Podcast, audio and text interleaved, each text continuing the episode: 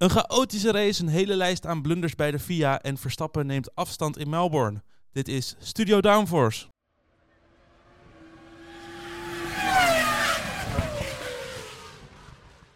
Ja, hallo allemaal en wat leuk dat je luistert naar een nieuwe aflevering van Studio Downforce, de zevende aflevering van het tweede seizoen. We gaan vandaag terugblikken op de Grand Prix van Australië. Dat doe ik niet alleen, dat doe ik eindelijk een keer weer fysiek met Elias. hey Bram, ik kan je weer zien. Ja, precies. En met uh, Lies, ja, vind ik wel jammer eigenlijk dat zij er dan wel fysiek bij is. Hadden we geen internetverbinding op kunnen stellen als we over Lies? Zo, houd toch op. Hoi Lies. Hi. Hallo, hallo.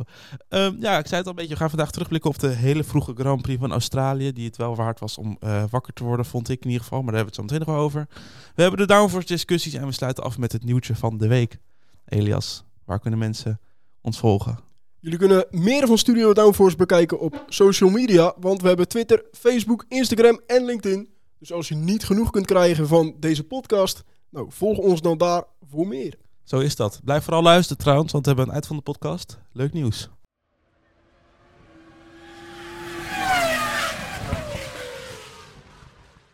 Ja, we beginnen de aflevering met een terugblik op de Grand Prix van Australië. Ja, ik zei het al een beetje, maar uh, jongens, vonden jullie het waard om zo vroeg op te staan? Zeven uur was het? Het was het zeker waard, maar ik ben wel nog gefrustreerder dan dat ik de vorige race was. Waarom?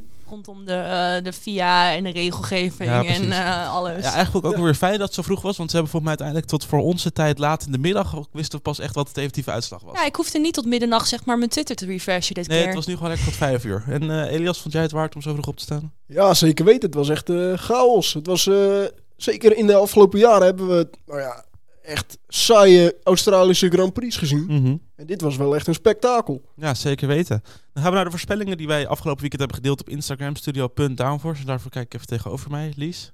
Ja, ik heb een klein uh, tikfoutje gemaakt ja, bij, nee, bij, de ja, laatste, precies. bij de racevoorspellingen. Dus die, uh, die heb ik op dit moment nog niet. Het was laat zeker. Ja. Het, het was, nou ja, laat of vroeg. Het ligt er maar een beetje aan hoe je het bekijkt. Uh, dus nee, de kwalificatie die stond er wel op. En die moet ik er even bij pakken. Of heeft iemand die, jongens? Nee, ja, jij, jij was afgelopen weekend dat jij uh, de... Ja, ik wist niet dat ik dat dan ook moest gaan bespreken. Dus ik zit nu helemaal onvoorbereid. Zit ik uh, van oeps, oeps, oeps. Nou, wat else is nieuw, hè? nou... maar goed, Elias, ga ik alvast met jou beginnen. Want de race, hoe die begon ik vond het toch niet, het gaf niet uh, de vibe die ik de afgelopen laatste paar rondes heb gezien als het ware van de Grand Prix. Ja. Het begon toch, ja natuurlijk de eerste drie bochten waren heel spannend, maar daarna was het toch het, het treintje oh. wat we de afgelopen jaren hebben gezien in Melbourne. Ja, maar het was natuurlijk wel spannend. Het was geen uh, Red Bull die, uh, die maar gewoon weg, wegreed van, van alles en iedereen. En gewoon alleen bij de start gezien en verder uh, bij de finish nog een keer. Ja, nee, inderdaad. Dus dat was deze keer wel anders. Ja, want, het is, want het is dus wel dat uh, Verstappen dit extra rustig aan. Dat zei hij ook later na afloop van de race. Die was zo van, nou, het doet rustig aan. Dat resulteerde wel dat hij drie plekken ongeveer bijna verloor. Uh, Iets te rustig aan.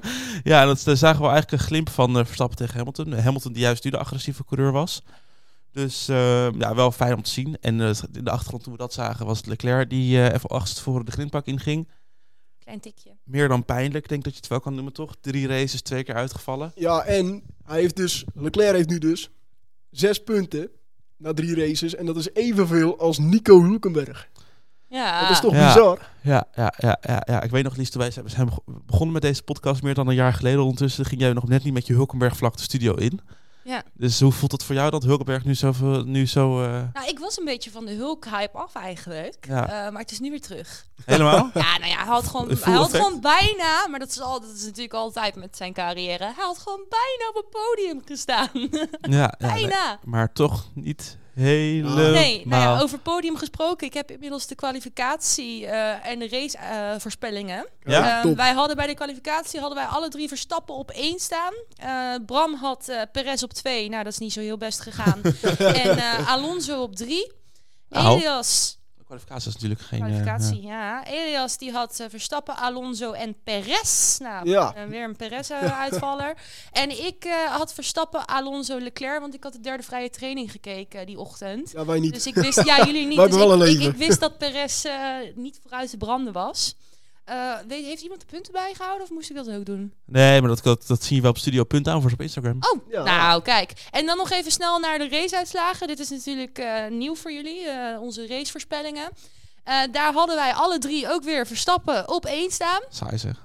Heel, nou jullie, je- je moet jullie waren je- saai Je moet hier. de punten pakken, hè? Ja, daarom. Jullie waren saai hier, want eh, Bram had eh, op twee Alonso en op drie Russell, niet verkeerd.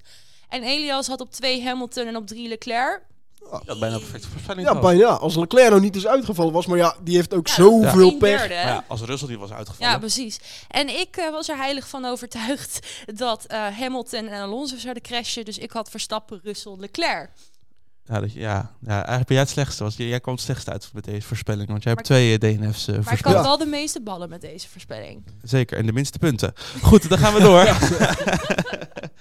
Want ja, zoals eh, Elias en ik al zeiden, de eerste drie, drie bochten waren leuk. Toen werd het een beetje saai. Toen dacht Al- Albon, ik ga het er even leuk maken en ik eh, jaag hem even de muur in. Toen dacht Hulkenberg nog bijna, ik ja, ga jou weer de muur in jagen, maar die ging er net Ja, hij zag niks, hè? Nee, precies. Nee, maar eerst een safety car en toen een rode vlag. Teams dachten dat de safety car dat daar was bij zou blijven. Dus eh, onder andere Russell. Russell, Sainz, die gingen naar binnen toe voor nieuwe banden. Toen bleek toch te veel gravel op de baan. En op dat punt van het circuit waar het natuurlijk zo snel gaat, snap ik dat ook wel. En een rode vlag. Moeten teams dan daar meer op gaan gokken nu? Dat er een rode vlag kan komen? Ik denk dat je bij deze wel had kunnen inzien dat hij overging op rood. Als je kijkt naar waar Albon stond en de eh, het was ook heel veel grind op de baan. En Ja. ik denk dat dit, ja... En volgens mij hebben ze toen één keer de safety car langs laten rijden. Dat ging toen zo langzaam en al met, met eh, heftrucks en dingen op het circuit. Ja. Dat ze waren van, doe rode Ja, vlag. maar ook wat, wat Lies zegt inderdaad. Als er zoveel grind op het circuit ligt, ja, dan is dat gewoon niet te doen met vegen en zo. Want dan moet je middenop gaan staan vegen, terwijl die Formule 1 auto's blijven langskomen. Ja. Dat werkt niet. Dus goed, een rode vlag. Maar ja, daardoor wel onder andere Russell en Sainz die, eh, die best wel eh, opgefukt waren door de FIA. Eh Russell die moest gaan terugvechten vanaf P7. Dat ging ook een paar ronden goed. Totdat zijn motor zei, hey, kijk wat ik kan doen. En vloog in de fik. Ja, Ja. wel leuk, mooie vlammen. Het Niet- gebeurt ook niet vaak, hè? Nee, daarom. Ik had hier nog een kleine vraag over, jongens. Vertel. Als je nou als fotograaf zijnde een foto maakt van een ploffende Mercedes-motor, kan je er dan meer geld voor vragen, omdat het niet vaak gebeurt? Ja, zeldzaam Een zeldzame foto. Ja, ja nee, dat is, altijd- dat is het eerste wat ik aan dacht. Nee, ja, een Ferrari, daar moet je geld voor betalen om een foto te maken, omdat het zo vaak gebeurt. Ja. Nou, wat Dan- ik dus denk, ehm, is dat Mercedes misschien wel de gok heeft genomen om de motor verder open te schroeven. En dat zou misschien de reden kunnen zijn dat ze dichter bij Red Bull zaten in de kwalificatie. Ze waren best wel... Ja. Ik vond ze wel Ja, verrassend het, snel, zou, hoor. het zou kunnen. Ja, doe je alle mini, mini maar weer af. We gaan door. Eh, het heeft namelijk wel, het betekent voor Russell niet direct grote gevolgen, want hij heeft nog geen motor verwisseld. Dit was degene waar hij ook Bahrein mee reed. Dus hij mag gewoon nog een motor helemaal en alles mee vervangen zonder problemen. Maar denken jullie nou dat eh Russell, want hij zei Russell, eh, ik had deze Grand Prix gewoon kunnen winnen. Zeker weten. Denk je dat hij dat kunnen winnen? Zeker weten. Ik denk van niet. Ja, maar als je ziet Hamilton, eh, die had er ook gewoon op de herstart nog eventueel voorbij kunnen gaan. eh. en als die de laatste herstart, als je dan twee Mercedes-coureur en Verstappen hebt en een van die Mercedes-coureurs denkt, "Mwah, ik zeg maar even iets later. Weet je, als een Mercedes wint daardoor dat de andere Verstappen uittikt, ja, hè, jammer, maar dan heb je wel een overwinning op je naam staan. Ja, Dus dat ik denk zeker weten dat als Verstappen had meer stress gehad met twee Mercedes-coureurs Ja. achter zich, dan nu alleen Hamilton denkt van, oh, ik heb hem een keer ingepakt met een la- late herstart. Kan ik nog wel een keer doen. Ja, en dat is natuurlijk het volgende waar we het over gaan hebben. Verstappen tegen Hamilton. Ja, dat was een heel leuk duel, Ik vond netjes. Tot de DRS kwam.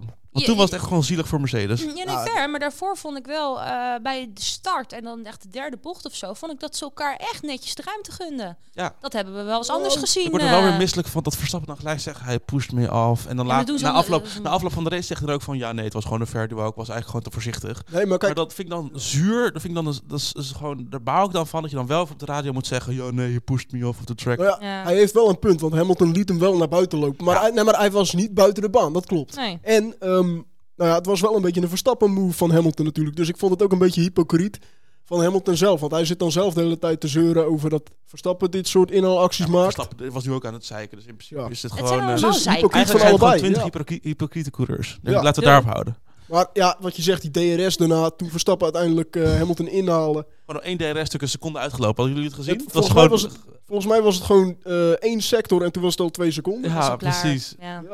Maar goed, daar- daardoor, daarna bleef het wel stabiliseerd. Het gat zich een beetje, liep wel langzaam uit. Maar ja, dat ging ook niet heel erg hard. Toen dacht Magnussen van, ja, ik heb eigenlijk wel genoeg van een saaie race gehad. Ik ga eventjes licht de muur raken. Maar dat resulteert in dat hij bijna een toeschouwer onthoofde. En eh, zijn kans op, op een goed resultaat vergooide. Nou ja, hij lag al buiten de punten. Hè. Ja, nee, ja, maar ja, het kan natuurlijk... eh, ja. Kan van alles gebeuren, dat zie je Precies. maar We. Dus eh, nee, zijn band brak af, zijn... eh, Zijn velg niet? Zijn velg, nou ook eh, ja, niet helemaal, maar braken wel onderdelen af. Want dus een Ja. gedeelte van de velg heeft een eh, toeschouwer geraakt. Eh, dat veroorzaakt de tweede rode vlag. Ja, daar zijn heel veel discussies over. Gaan we het zo ook nog over hebben in de downforce discussies. Vervolgens, rode vlag, herstart met nog twee ronden te gaan. Een mini-sprintrace van twee rondjes. Nou, blijf zitten, hou je vast. Alonso werd gespeeld door Hamilton. De Alpines emuleerden elkaar. Sainz, Oh, oh. Oh, door, zie, ga ik nu al. Ga ik- Oké, opnieuw. Ademhalen, ademhalen, Bram. Alonso werd gespind door Sainz. De Alpines elimineren elkaar. Perez door de grindbak. De Vries wordt uit de race gekregen door Sargent. En Stroll schiet eh, door met een duifbom richting Narnia. Had je trouwens door dat Stroll niet bijna niet de enige was? Er gingen echt drie coureurs die gingen veel verder door. Maar iedereen wist eigenlijk zijn auto te behouden, behalve Stroll. Het verbaast me niks. Nee, precies. Die had sowieso ook in de eerste ronde in diezelfde bocht dat die Leclerc eraf tikte.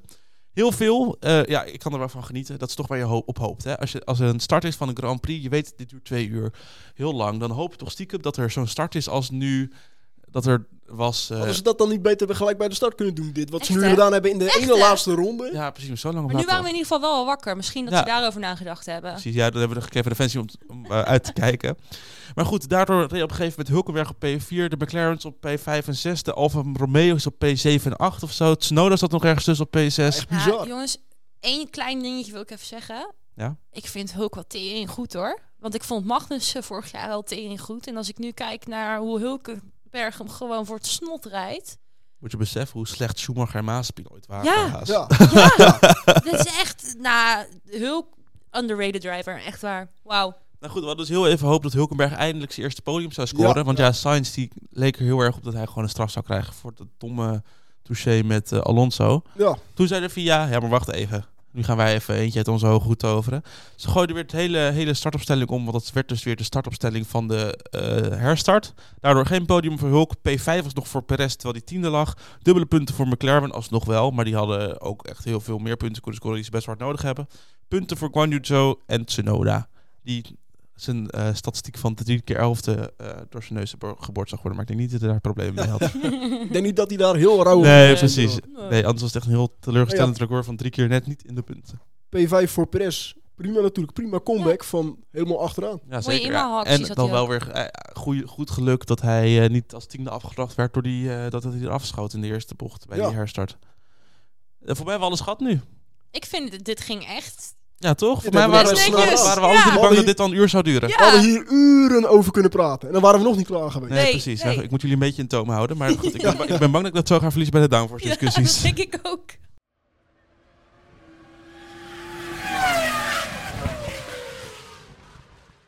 Ja, maar ja, in die downforce discussies was natuurlijk net een beetje feitelijk gewoon wat er is gebeurd. Een beetje een recap van de zondag, van het weekend. Nu gaan we daadwerkelijk onze mening op tafel gooien. Dus eh, ja, ik introduceer de stelling en dan laat ik Elias en Lies ook wel gewoon een beetje los. En mezelf ook soms. Goed, de eerste stelling. Banden wisselen tijdens een rode vlag moet verboden worden. Oneens. Oneens. Eens. Nou, is toch saai? Is dat dit in andere raceklasses ook al zo? Dat bij een rode vlag moet je gewoon de auto laten zoals het is, behalve als je echt zichtbare schade hebt? Zou dat in Baku zijn geweest? Nee, maar gewoon in een IndyCar of zo. Is het daar Oh. niet zo dat daar eh, bij een rode vlag mag je niks aan de auto veranderen behalve als je kan aantonen dat je schade hebt? Dat zou best kunnen, ja. Nee, maar kijk, Volgens mij heb je er gelijk in, man. ik vind het aan de ene kant wel competitievervalsing. Dat je inderdaad eh, tijdens een rode vlag gewoon je banden mag wisselen.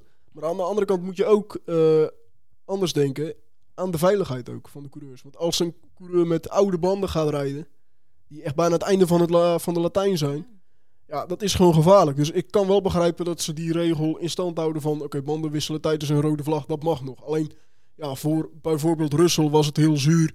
Voor Sainz was het heel zuur. Ja, En we hebben, we hebben het natuurlijk eerder ook gezien met Perez vorig jaar in Saoedi-Arabië. Ja, maar anders krijg je natuurlijk nu dat eh, coureurs als eh safety cars in hun banden zijn bijna dood, dat ze zeggen, nou we wachten wel eventjes, wordt, dan kan het een rode vlag worden. Maar dat is altijd het risico. Ik vind dat juist wel leuk dat er altijd dus een risico is. Dat het Ja, dat je een ik denk, dat niet, ik denk dat niet af dat- moet hangen van een beslissing van de VIA dat eh, of je banden moet wisselen of niet. Of Is dit gewoon afwachten. het risico van de sport? Ja, Misschien kunnen we het daar wel op houden. Nee, ja, ik vind, ik vind, ik, ik, snap, ik snap natuurlijk dat ze zeggen, ja, voor het spel is het leuk en het is ook gewoon een beetje een reset en dat soort dingen. En voor zo'n laatste sprintrace is het heel leuk dat niet iedereen op de hardste band eh, natuurlijk die herstart moet doen, maar dat ze lekker allemaal op de zachtste band mogen doen. Maar er zit toch wel iets aan dat ik denk van, dan kan je gewoon net zo goed niet gaan pit, een pitstop maken, hoop op een rode vlag, daar ben je zoveel tijd mee in plaats van dat je een safety car of een pitstop maakt, dan maar onder normale omstandigheden. Er zijn nu teams geweest die gewoon geen pitstop hebben gemaakt hè, in de race. Fair, maar wat je nu eigenlijk zegt is dat Max Verstappen zijn eerste wereldtitel niet had hoeven winnen. Nou, of dat ze beide dus op de hardste band zouden gaan eh, rijden. Die herstart dan. Ja. Ja, maar dan hebben ze toch de banden gewisseld. Ja, maar dat, werd, dat was onder safety car. Die wereldtitel was onder, dat, onder safety car. Ja. Verstappen kon die pitstop maken en eh, Hamilton oh, ja. niet. Nee, oké, ik neem het terug. Ja, goed punt. Ik had, wat ik dan zeg is van als de rode vlag was, dan vind ik dat ze beide op de hardste band hadden moeten blijven. Er, er valt wat van te zeggen, alleen ik vind juist het hele dat dit maakt dat je pas echt punten krijgt. Dat weet je, het einde van de race pas het einde van de race. Zo, dit zijn uitspraken Zo. Wil Buxton goed. uitmaken, weet je wel. Nee, maar dat is toch zo. Is nu weet je, al sta jij de hele fucking race, sta jij vooraan en er gebeurt wat de laatste ronde, dan weet je dat het altijd nog eh, Ja. fout kan gaan. Die aloude Formule 1 wet, to finish first, You gotta finish. you first have to finish. Ja, en daar ben ik een voorstander van. Dit maakt het, dit, dit, dit, dit maakt het spannend. Ja, ik ben het er niet helemaal mee eens. Goed, de tweede stelling. De FIA neemt te veel eh, risico met een herstart vlak voor het eind van de race. Eens. Oneens. Ik, ik vind het heel lastig. Want aan de ene kant ben ik het er hartstikke mee eens. En aan de andere kant ben ik het er hartstikke mee oneens. Ik heb het gevoel dat je, dit kan je niet goed doen. Deze, deze situatie van de FIA. Dat is wel waar. Want De- ze hebben namelijk eigenlijk twee, drie opties in dit geval. Of ze stoppen de race, rijden op niet meer uit. Heb je de fans op de tribune die het niet mee Ja, eens zijn. En Hamilton en eh, Mercedes die dan zeggen van, of Aston Martin zeggen van, we hadden Verstappen aan willen vallen. Dit kan niet. We moeten gewoon 58 rondjes rijden. Of dat je hem onder de safety car uitrijdt. Dan heb je de teams vooral boos. De fans, ja, die hebben gewoon actie gezien en misschien de coureurs even wat langzamer voorbij zien komen. Maar dat de teams dan zeggen van, ja, hallo, wij willen gewoon racen, zorgen dat het sneller gaat. En nu met de rode vlaggen dat je dan een herstart hebt, dan heb je de teams boos. Want dan- is het in één keer te onveilig, want die coureurs die gaan eh, alles of niet rijden. Ja. Ik denk dat dit de beste optie was, want ja, dan ligt het gewoon aan de coureurs. De- ik ben het met je eens dat dit de beste optie was. Alleen waar het bij mij misgaat, is het feit is dat ze die vervolgens die punten dus niet uitreiken op het moment waarin iedereen op het einde eh, de finishvlag zag. Ze Ja. hebben de punten hebben ze uitgereikt naar de posities van een rondje ervoor. En dan denk ik bij mezelf, ja, maar waarom hebben we dan het rondje geraced? Ja, nee, en ik vind het ook heel gek dat we dan een Alonso op het podium zien staan, terwijl die eraf gecrashed is. Ja, nee, dat, dat heb je helemaal gelijk. Maar daar komen we zo meteen nog wel op. wel, maar eh, ik denk inderdaad, het klopt. eh, als in, ja, de entertainment van de fans staat voorop. Maar ja, goed, dat is de Formule 1 uiteindelijk ook met alle media-aandacht die eromheen zit. En het is een sport om te racen. Maar en uiteindelijk, er zijn miljoenen mensen over de wereld die kijken. Bij Amerika, als ze daar een papiertje op, het, op de weg denken, krijg je een caution, is het gelijk een safety car, moeten ze Ja. opnieuw gaan starten. Dus dat hier een rode vlag is omdat er een, een wiel op de baan ligt en alle metalen onderdelen op de baan liggen, kan ik alleen maar begrijpen dat ze dan zeggen, we ja, doen een we rode zijn het vlag. er dus wel mee eens met z'n allen dat het een rode vlag had moeten 100%. zijn. Hè? Want 100%. Verstappen die vond, eh, die vond het op zijn hoogst een virtual safety car Ja, het is Ja, ja, vergelijk- tuurlijk, ja. Het is natuurlijk te, te vergelijken met Baku eh, in 2018 was dat met Bottas, dacht ik. Nou ja, ik, ik weet niet. Ja, dat klopt. Ja, ja, ja. dat, ja. Maar het is sowieso, de coureur die eerst ligt, zal het nooit eens zijn met een neutralisatie van de race. Nee, ik vond, het, ik vond het ook een rode vlag. En, eh, hebben, ik, de- eh, nee, ik ben het toch oneens, jongens. Ik vind niet dat ze te veel risico hebben genomen. Ik vind het wel. Ik vind dat je Ik denk dat de coureurs te veel risico hebben genomen. met een herstart... Ja, maar is het niet de, de taak van de FIA om niet alleen de, de veiligheid van de coureurs te garanderen, maar ze ook te beschermen tegen zichzelf? Zeg dat maar tegen Yuki je- Tsunoda. Je, je weet toch dat die coureurs, Gasly. als ze een gat zien, dan gaan ze er vol voor. En als ze nog maar twee rondjes te gaan hebben, dan nemen ze juist nog meer risico. Want Maar is dat de rol van de FIA of van de teams? Het is de rol van die mensen zelf. Ja, maar, Ja, is maar dan, dan, heb je toch, dan heb je toch dat John Perret Lambiassi heeft tegen, tegen Max in zijn oor zegt van... Hé, hey, luister, eh, twee rondes te gaan, doe rustig aan. Eh, het zijn 25 punten op het spel. Denk eh, over het wereldkampioenschap. Ja, maar ze weten, ze weten gewoon dat die coureurs dat gaan doen. Het is de dood of de gladiolen dan. En, ze, en de FIA vindt het prima.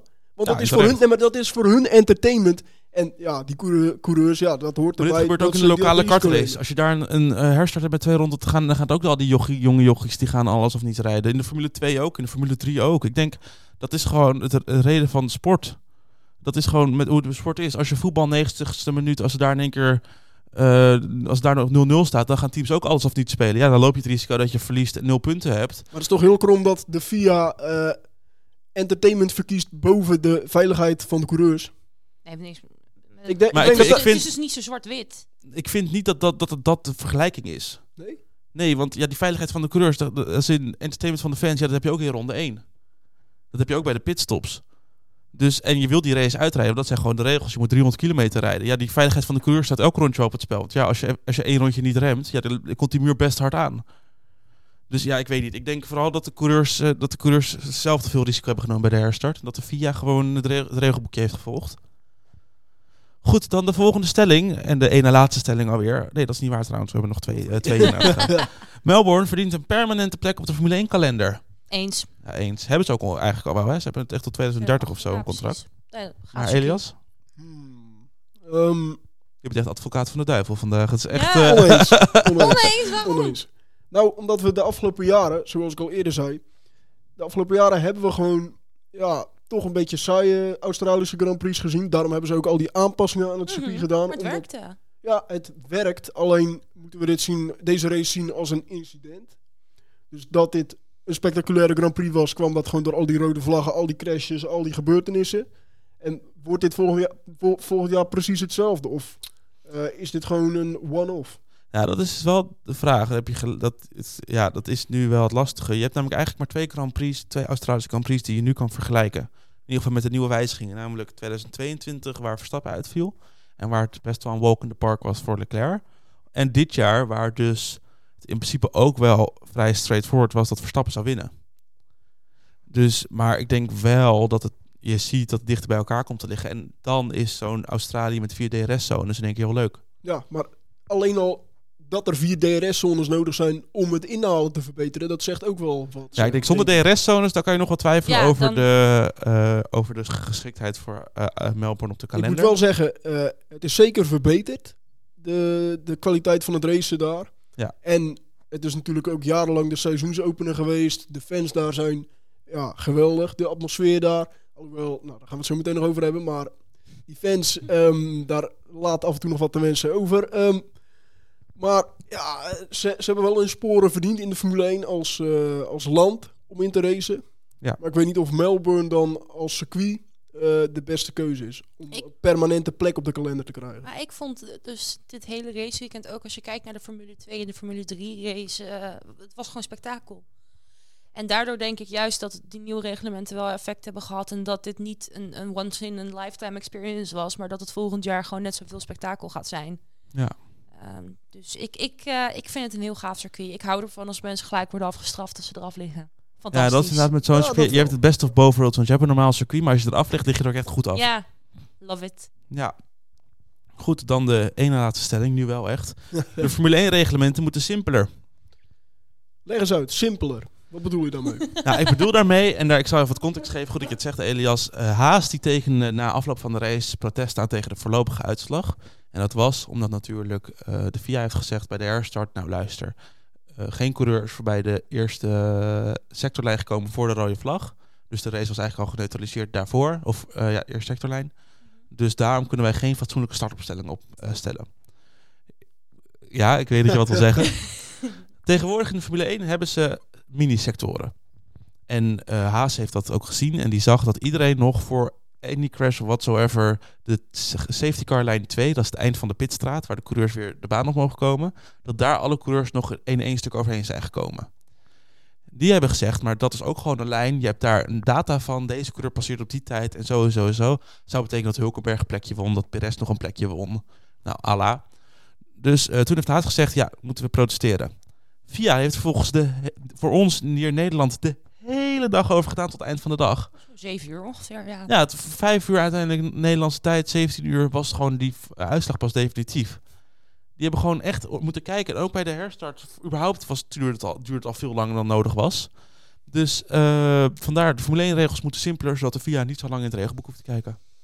Nou, ze hebben nu gewoon zichzelf een beetje in de voet geschoten. Ehm, op meerdere manieren is eh, door inderdaad te zeggen van we gaan terug naar voor de eerste sector. Eh, en daar gaan we de punten uitdelen. En dan vervolgens een Carlos Sainz wel bestraffen met vijf seconden. Terwijl dat is gebeurd feitelijk gezien dus nadat de punten werden uitgedeeld. Ja. En dat klopt gewoon niet. Ja. Dat klopt gewoon Ja, niet. wat jij je, zegt is je, dan moet je je standpunt aanhouden. En dan moet je gewoon pas punten rekenen bij de mensen die wel over de finish zijn Ja, gekomen. wat, jij bedoel, wat jij daarmee bedoelt is natuurlijk dat eh, Alonso werd natuurlijk eh eraf gekegeld ja, door Sainz. Ja, ja, door Maar die Sainz. lag daarna wel weer derde, omdat de FIA dus had ingegrepen. Terwijl hij eraf lag. Ja. En eh, ik vond daarbij vond ik het incident van eh Sainz en, eh en onze Alonso vond ik ook een racing incident. Ja? Want het was gewoon de eerste, de eerste bocht. En eh, ik bedoel, als je Sainz een penalty had gegeven, dan had je hem ook aan Gasly moeten geven. En dan had je hem ook aan, eh, wat was het, Logan Sargent. Sargent? Ja, Ja. had je hem ook aan Logan Sargent moeten geven. Ja, nee, ja, dat eh, denk ik inderdaad ook. Eh, het is inderdaad wel een beetje een gekke straf. De consistentie mist Ja. eigenlijk. Ja. Ja, nee, ik zit vooral te denken, ik zat even te denken nu, terwijl jij dit betoog hield, van zijn die reglementen er niet om een eindopstelling op te starten? Want je hebt natuurlijk nu dat met een rode vlag, de coureurs die nog in race waren, die reden in volgorde de pitstraat in. Ja. En eh, kan je die niet gewoon gebruiken om weer door te gaan? Wat is dan wat is het tegenargument om niet die startopstelling te gebruiken om Ja, die Is is de race te hervatten? dus. Want zo'n zo'n straf was eh, van Sainz, ja, als je dus eh, de race niet meldt hervat, hoe werd die straf dan geïnd? Ja, Welke data gebruik je dan? Welke afstanden gebruik je dan om eh, Ja, die dat te bepalen? geven. Ja. Ja. ja, heb je een punt. Dus Heel, eh, ja, ik, ik zat even na te denken van waarom, waarom is dat dan echt die vijf seconden? Moeten ze dat rondje rijden voor die vijf seconden van Sainz? Nou, dat zou ook nog kunnen. Dat zou ook nog kunnen, maar ik denk gewoon is dat de VIA er nu voor gekozen heeft om het zo te doen. Dus omdat ze anders gewoon onwijs veel ontevreden coureurs op hun dak zouden hebben. En dan zou het allemaal nog langer geduurd hebben. Ja, nou, ik vind het vooral, ja, dat denk ik ook inderdaad wel. Ja. Maar ik vind, ik vind het vooral wel gek hoe eh, de VIA telkens nieuwe reglementen maakt en dan volgens achterkomt dat die reglementen toch niet helemaal af zijn. Ja. En dan maar Toch die, die reglementen weer gaat aanpassen. Nou, kijk, ik Het moet kijk, ook altijd ik- fout gaan ik eerst. kijk er nu alweer uit naar september dit jaar, wanneer we weer diezelfde reglementen die nu aangepast gaan worden vanwege dit weer aangepast Ja. moeten worden. Ik denk dat als je nu het Formule 1 eh, regelboek eh, erbij gaat pakken, dat je daar zo ziet van VIA is typing zo. Ja, precies. Ja, ja, ja, ja. VIA is te actief Ja. bezig in dit document om het aan te Ja, passen. precies. Regel nummer 1a, regel nummer 1. AAB. Ja, precies. Heb je, heb je, je hebt artikel 25.3.2.f.1a. Ja. En dat is dan, daar staat dan in dat je dus een bepaalde volgorde moet vasthouden voor een herstart. Goed, dan de laatste stelling. En eh, deze gaat denk ik wel terugkomen vaker. We willen elke, na elke Grand Prix, dat is alleen bij de nabeschouwingen, gaan we eventjes eh, twee coureurs bespreken, teamgenoten van elkaar, die nogal een opspraak waren, waren dit jaar. Goh, wat, Dus zal- ik wat ga- zou het ik nou zijn? ik zeggen- ja. Clip dit. We gaan het over deze coureurs nog wel vaker hebben dit jaar. Ja, het. Alpine duo. Ja, dat denk ik wel. De Franse revolutie. Esteban Ocon en Pierre Gasly. ja, Fun. Het gebeurde ja, sneller dan het we is- verwacht hadden, denk ik, hè, jongens? Ja, Deze maar het is niet echt... als- Je hebt natuurlijk nu met Ocon en Gasly wat dag zegt. Die gaan elkaar echt van de baan rijden. Voorvleugels gaan vliegen. En die mogen ze nu alvast extra gaan maken in eh, de fabriek van Alpine. Dit was natuurlijk niet echt een ongeluk Nee. met veel schuld. Ik, hoor- je zei net al wel van Gasly hoort eigenlijk wel een straf te krijgen. Nee, als, eh, omdat ze Sainz, eh, als ze het allemaal consistent hadden moeten doen, hadden ze Gasly ook een Ja, straf ik moeten vind- geven. Maar vind ik vind dus- dat ze niemand een straf ja, hadden ik vind dus dat. Gasly, dat het incident met Gasly en Ocon veel meer een race-incident was. Gasly Ja, schoot wijd over het gras. Dat Ja. is- we hebben het hele Ja. weekend al gezien dat dat gras niet normaal glad is daar. Zijn je banden vuil. Ja. Ja, vuile banden. En die komt dan het circuit op en die probeert gas te geven. Nou, die band, achterbanden hebben er dan geen zin meer in, dus die glijden door. Ja, maar je, Nou, dan ben je drie keer aan het correcten en dan is Ja. De muur daar. Ja. En dan zit er in één keer een roze kon flamingo naast je. En dan lig je Ja. bij de muur. je zag hem tegensturen tegen de onderstuur Ja. natuurlijk. Ja. Alleen, jij zegt Ocon kon er niet heel veel aan doen. Nee, vind ben ik ik niet. het niet helemaal mee eens. Waar Hij dook hij in een gat wat er niet was. Hij had er Als je gaat moeten invoegen op de snelweg en er komt een auto van rechts, dan weet je dat die auto nog verder naar... Jongens, dit is niet de snelweg, hè? Nee, ja, nee, het is wel een hele snelle weg. bedoel, maar het als, ook in, als, je, als, je, als, je een rechts moet coureur, als je een rijden. coureur in ziet komen, dan kan je erop rekenen als hij van een nat of geen grip stuk komt, dat hij nog eventjes wat doorschiet. Dit ging zo snel. Ik, eh, Ja, maar dat, dat, Het dan komen we ook weer terug op het risicovak. Dat hij dat Ocon waarschijnlijk ook denkt van, ik moet er voorbij twee rondes, eh, punt, Ja. ja, punt, dat is punten. waar. Hij zag een gaatje waarschijnlijk. Ja, Ja. Ja, en het is niet de eerste keer dat hij natuurlijk duikt in een gat wat er nou ja, net Niet wel, is. misschien net niet is. Eh Perez natuurlijk in Singapore 2018 uit mijn 18 hoofd. of 17, ja, een van de twee. Eh, en Alonso natuurlijk vorig jaar een paar keer hebben we dat gezien dat hij echt late, late moves maakte. Een leppen Ja. van Max Verstappen. 2017. ja, ja, ja, het ja, lijkt nog. er gewoon op alsof hij eh, zo gefixeerd is met het verslaan van zijn teamgenoot dat hij gewoon ja, eigenlijk die relaties gewoon verbrast eigenlijk. Gewoon de, de Ja, ik vind, ik, vind het, nee, ik, vind, ik, vind, ik vind het heel vroeg om te zeggen dat nu de, de, de, rela- de eh, verhouding tussen Ocon en Gasly eh, tot een dieptepunt is gekomen. Nee, hoor. zeker nog niet. Nog niet. Dat, Dat, gaat eh, nog dat- veel dieper. Nee, nee, ja, ik weet überhaupt niet of het die kant op gaat, maar ik vind het te vroeg om te zeggen dat dit nu echt spanning zet op die eh, verhouding. Maar goed, dat ben ik. Maar ik weet wel dat ik daar iets luchtiger in sta dan jullie, want jullie, jullie durven al coureurs af te schrijven naar één race. Goed, eh, Ja, dat valt best wel mee. Maar Oh nee, ik kijk, wel. Ik, ik, Ja, ik ben het wel met je eens. Hier, kon, hier konden ze allebei niet heel veel aan doen. Was Hier ook- kun je ook geen schuldigen aanwijzen. Nee. Dus, eh, dit is ook even waard om terug te luisteren op F1 TV. Safnauer werd er net na dit moment werd Safnauer in de uitzending gehad bij Sky Sports en die moest toen maar gaan uitleggen wat er met zijn coureurs is gebeurd. en die was heel politiek correct antwoord te geven. Ja, kan gebeuren en ja, weet je, dit was gewoon pijnlijk. Dit is de herstart. Het Ik ben wel gebeuren. benieuwd wie het gaat betalen. Al die, cra- al, die- al die eh, schade van die crash. Ja, ik- ja ik eh, geen idee. Want Gaat het ingehouden worden op eh Ocon en Gasly? Van oké, je krijgt je zakgeld niet. Minder eh. Ja, daar, daar zal daar vast, daar vast wel iets op geregeld zijn. We moeten in ieder geval door. We gaan namelijk naar het laatste blokje. En dat is het... Het nieuwtje van de week, week, week. Nou, zo is dat. Het nieuwtje van de week. Lies, ben je er klaar voor? Altijd. Nou, dat vind ik Nou, een heel, nou, nou, heel nou, gedurfd nou, statement. Ja, altijd. Zeker eh, met, eh, met wat we in het begin van de aflevering hadden. ja. Dankjewel jongens. wel. Ehm, in ieder geval, eh, de VIA had het druk zat. Want naast dat er geno- genoeg gezeik was op de baan, was het ook na de race op de baan gezeik. Ik weet niet of jullie het gezien hebben, maar Nico Hulkenberg die ging wel de finishlijn over, maar die zette daarna in bocht 2 zijn auto al stil. Ja. Waar, waar, de, waar de bandafdrukken van Verstappen nog steeds staan. Precies. Ehm, en dat, kijk, normaal gezien als een coureur het niet naar de pit, re- de pits redt, denken wij altijd gelijk aan te weinig brandstof. Ja. Dus dat hij hem stil heeft moeten zetten, want er moet nog een litertje of zo in zitten voor de reglementen. Mhm. Eh, dat was in dit geval niet zo. Eh, is die auto die, eh, die had een probleem, een technisch probleem, waar ik natuurlijk de ballen verstand van heb. Maar in ieder geval, eh, dat lampje dat ging branden, weet je wel. Het rode lampje van dit is gevaar. En dan, dan moet je de auto op een bepaalde manier uit. En dan mag die eigenlijk ook niet meer aangeraakt Ja, omdat hij dan worden. elektrisch Ja, geladen het kan zijn inderdaad dat er een elektrisch probleem is. En dan kan de auto elektrisch geladen zijn. En dan kan je vertellen, dat is best een schok die je dan krijgt als je er niet met rubberen Zo, handschoenen aan Dat, zit. overleef je dat wel trouwens? Dat is Nee, echt dat denk wel... ik niet. Het, het is wel levensgevaarlijk. Ja, hè? ja, want het het hele ding. Nou, Ja. In ieder geval, eh, dus dat was er gaande. Ehm, en eh, op het moment is dat die auto dus zeg maar net achter de, de, de, de hang, dwanghekken... De, nee, de, de, de, de, de... Jongens, zijn- Dranghekken? zijn het wel dranghekken? Hoe noem je dat nou? Ik weet niet waar, waar Ja, je... dranghekken. Ja. Dranghekken, oké. Eh, het moment dat hij zeg maar de dranghekken doorging, toen kon opeens alle toeschouwers konden erbij. Ja, Maar dat was al, dat was was sowieso- al tijdens de safety car herstart. Dat daar al de, dat daar al de fans op de, Ja. eh, langs de baan stonden. En op dit moment eh, stond er dus gewoon een auto die mogelijk elektrisch geladen was, stond daar. En ondertussen zag je, eh, ik weet niet of ik dat nou in de nabeschouwing heb gezien of op Twitter, maar je zag gewoon, er stond een stuk van 200 man stond eromheen. En die stoers die zaten ook een beetje te kijken van, wat moet ik hier nou mee? Ja, klopt. Dus wat is er nou gebeurd is, eh, er is ook een under investigation, ja ik weet niet of ik het zo moet noemen.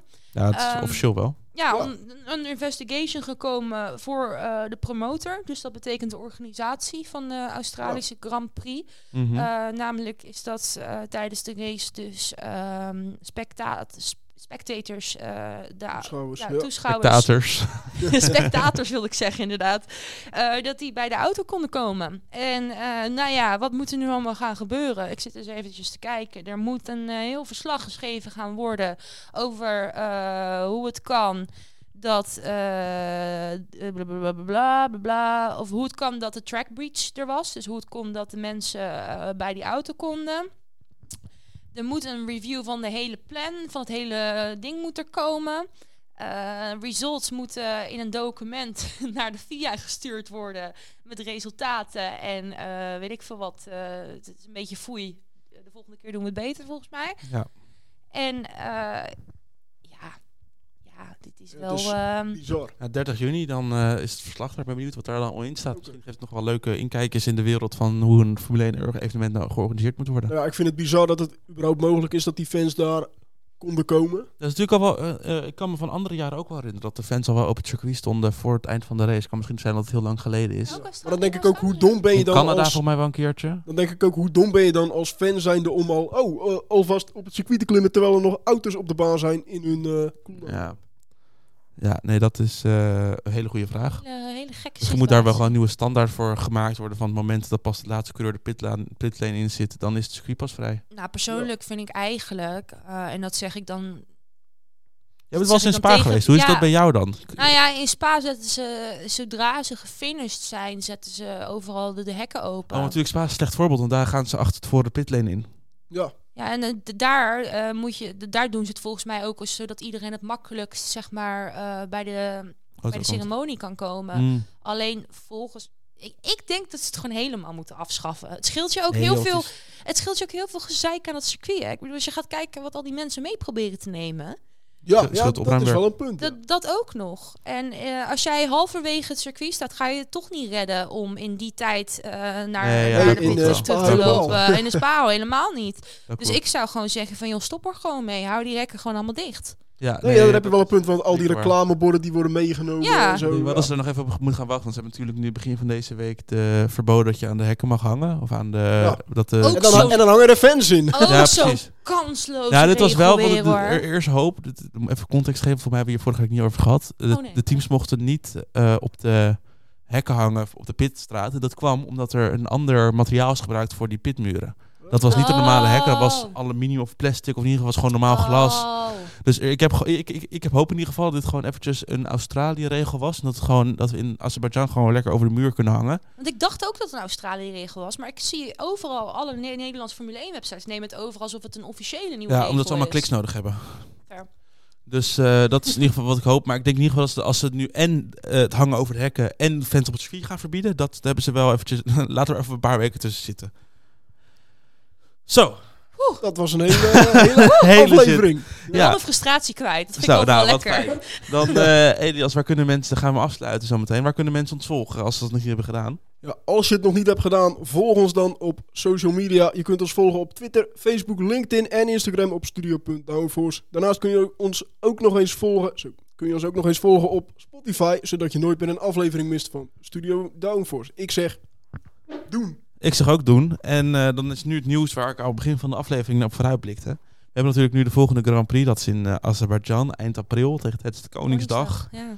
Eh, eh, nou, dat is dus, er zitten een paar weken tussen. Nou, ik kan alvast vertellen, Lies, of jou horen we tegen die tijd wel Nee. weer. ja, ja, precies. Jullie hebben allemaal even ook drie weken pauze van mij. Ja, maar niet van Elias en mij. We hebben namelijk een nieuwe serie. Ja, Die eh, in ieder geval de komende drie weken de, voor de eerst uitgerold gaat worden. En misschien nog wel daarna verder. eh, ja wie weet, wie weet als er nog meer vragen zijn van eh Ja, luisteraars. daarom een hele goede. We komen namelijk met de serie F1 uitgelegd.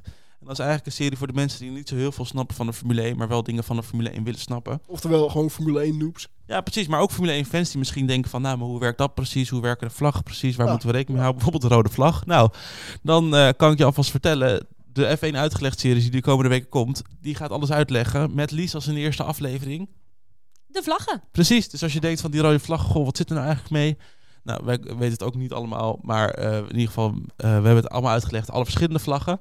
Van eh, de meatball vlag tot de zwart-wit geblokte Alles. vlag, tot de zwart-wit geschreven vlag, vlaggen die ik nog nooit vlag. gehoord had, hadden jullie zelfs besproken. En Nou, ik, wow. precies. En eh, de, die kan alvast vertellen dat de komende weken in ieder geval ook afleveringen over de banden, de Formule 1 teams, het raceweekend, de Grand Prix, de FIA, die is de langste.